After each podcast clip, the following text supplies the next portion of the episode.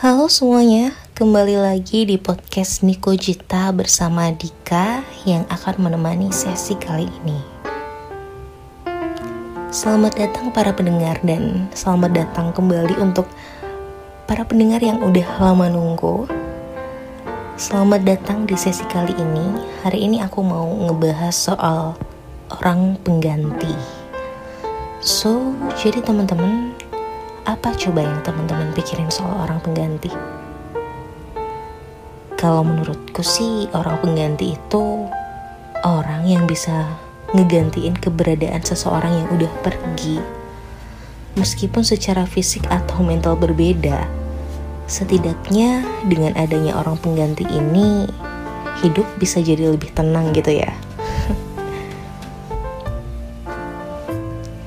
Tapi ngomong-ngomong soal orang pengganti, wajar nggak sih kita perlu waktu yang relatif lama dari orang normal lainnya untuk bisa menerima keberadaan orang tersebut?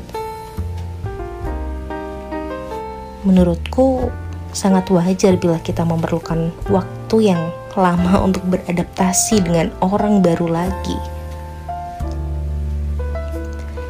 Karena orang pengganti ini istilahnya orang baru yang mencoba menempati posisi orang yang sudah lama ada di hidupku.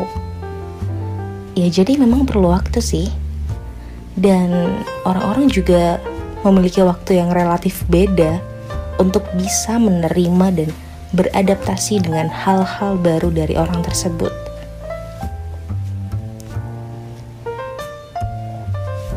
Jadi, untuk kalian yang sedang merasa menjadi orang pengganti dalam hidup seseorang, kalian sabar aja ya. Nggak usah buru-buru emosi kalau dia emang masih belum bisa menerima kamu seutuhnya. Karena ya tadi, kita nggak bisa maksain kehendak dia untuk bisa cepat menerima orang baru seperti kalian. Dan juga untuk kalian yang merasa sedang bersama orang pengganti di hidup kalian, saranku jangan terlalu kasar sama mereka.